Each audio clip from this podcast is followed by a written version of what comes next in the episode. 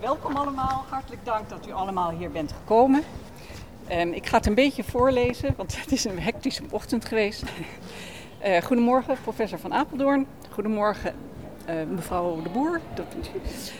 Um, uh, dank u dat u hier bent om de ontvangst van de petitie van de vrijlating van Julian Assange te overhandigen. We hopen dat u bij Priti Patel wilt aankloppen en vragen of zij die, die uitlevering niet door laat gaan. En uh, graag wil ik u vandaag uh, meer, namens meer dan 1230 ondertekenaars de petitie Stop Uitlevering Julian Assange overhandigen. Ter onderbouwing van die petitie wil ik u ook graag een exemplaar van het boek The Trial of Julian Assange overhandigen. Dus bij deze de petitie. Veel dank. En bij deze het boek. Dank u wel.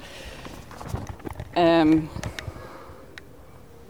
het boek is geschreven door Niels Meltzer, voormalig speciaal VN-rapporteur op het gebied van marteling, vrede, onmenselijke en vernederende behandeling of straf. En het boek is de uitkomst van diepgaand onderzoek van Meltzer naar de zaak van Assange. Het is gebaseerd op openbare documenten en documenten verkregen uit internationale WOP-verzoeken uit onder andere Zweden en het Verenigd Koninkrijk. Uit dit onderzoek blijkt dat alle aanklachten tegen een man die uitsluitend geïnteresseerd was in het openbaar maken van informatie, van groot maatschappelijk belang, van waarheid, jarenlang vervolgd, getreiterd, gedemoniseerd en psychisch gemarteld wordt op basis van een constante stroom van leugens. De verkrachtingsaanklacht was een leugen. Er was er geen. De aanklacht dat Assange gehackt zou hebben, is gebaseerd op een valse getuigenverklaring. De criminele getuige zou geen gevangenisstraf krijgen voor zijn pedofiele daden als hij deze getuigenis zou afleggen. Dat Assange mensen in gevaar zou hebben gebracht is eveneens een leugen. leugen. De VS heeft in meer dan tien jaar nog altijd geen onschuldige kunnen aanwijzen die door Wikileaks in gevaar zou zijn gebracht. Enzovoort, enzovoort. Een boek is een mooi ding, vindt u niet? Het maakt dat mensen zelf kunnen leren zich informeren over onderwerpen die zij belangrijk en interessant vinden. Dat dit kan was niet altijd zo, zoals u weet. Voor de boekdrukkunst was dat anders. Toen hadden de religieuze en machthebbende elites zoiets als een monopolie op het geschreven woord. Monniken waren de copywriters van Bijbelse teksten. Kerkelijk leiders vertelden het volk wat er in de Bijbel stond en hoe de mensen zouden moeten leven. Door de boekdrukkunst en door boeken niet langer alleen in het Latijn te drukken, maar ook in de nationale taal, konden mensen zelf bronnen verkennen en zelf dingen leren. En daarbij kwamen ze erachter dat soms het niet helemaal klopte wat ze verteld werden en wat in de bronnen stond. Um, de boekdrukkunst initieerde een maatschappelijke transformatie en leidde tot innovaties, enorme kennisgroei en welvaart.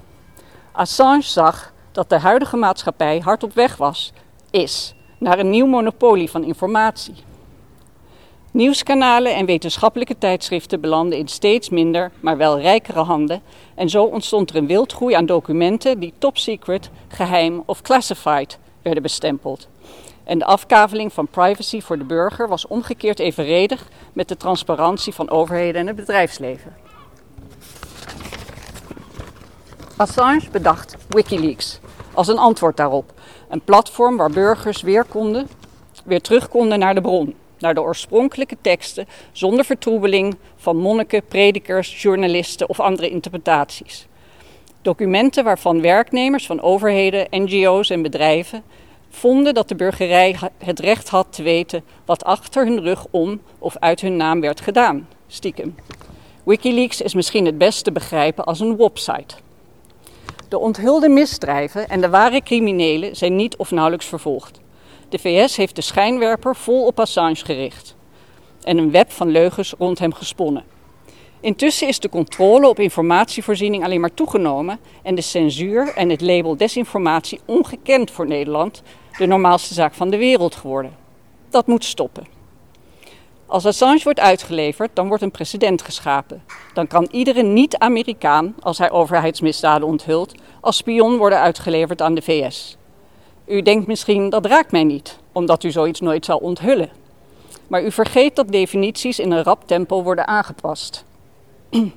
Wat vrijheid van meningsuiting was gisteren, wordt zoetjes aanbegrepen als opruiing. Opruiing begint langzamerhand staatsvijandigheid te worden en dat laatste wordt terrorisme.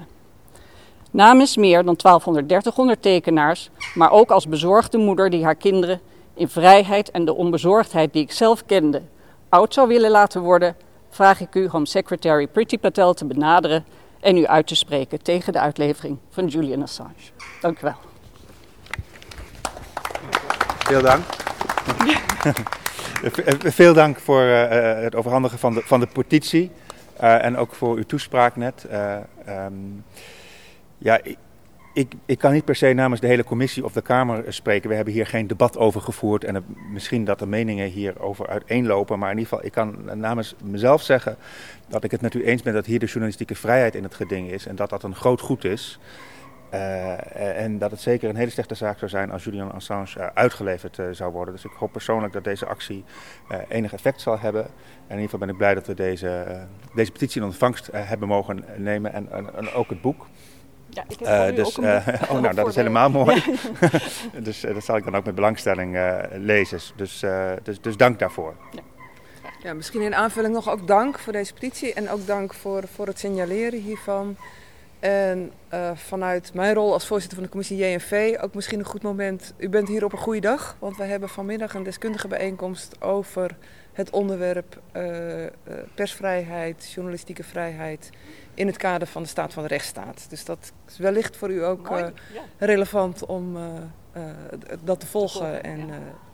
Ja. te zien. En nou ja, ik zal ook bij de aanvang van dat debat even memoreren dat deze petitie is aangebonden. of van die bijeenkomst dat even noemen. Ja, en mocht u Priti Patel nog spreken? Nou, Volgens mij is hij, niet, hij niet een van de deskundigen die we hebben uitgenodigd. Nee. Dus, uh, ja. ja. Oké. Okay. Nou ja, ja, allemaal heel erg bedankt. Ik vind het echt geweldig dat er zoveel gekomen zijn. Hadden wij niet verwacht. En ook dank aan Anne Meerte, die erg prettig was in de e-mail-correspondentie. Uh, en uh, nou, ik wens u veel sterkte met de ja. plenaire vergadering. Ik heb dus nog een paar boeken. Dank. Even kijken. Deze is voor u. Dank u wel. En die voor u. Dankjewel. Ja, zo fijn. Ja. Gaan met belangstelling Het gaat hier vandaag over saamhorigheid. Dagje zonder hemel. Rustig, lieg niet. Normaal maken is wat niet is normaal. Every nation in every region now has a decision to make. Decision to make. Decision to make. En dan ook geen hel meer. You think I'm joking? Predator drones. You will never see it coming. Wat dacht je alle mensen? Laat staan dat ik uh, kan ingaan over vuur. Bezig met vandaag.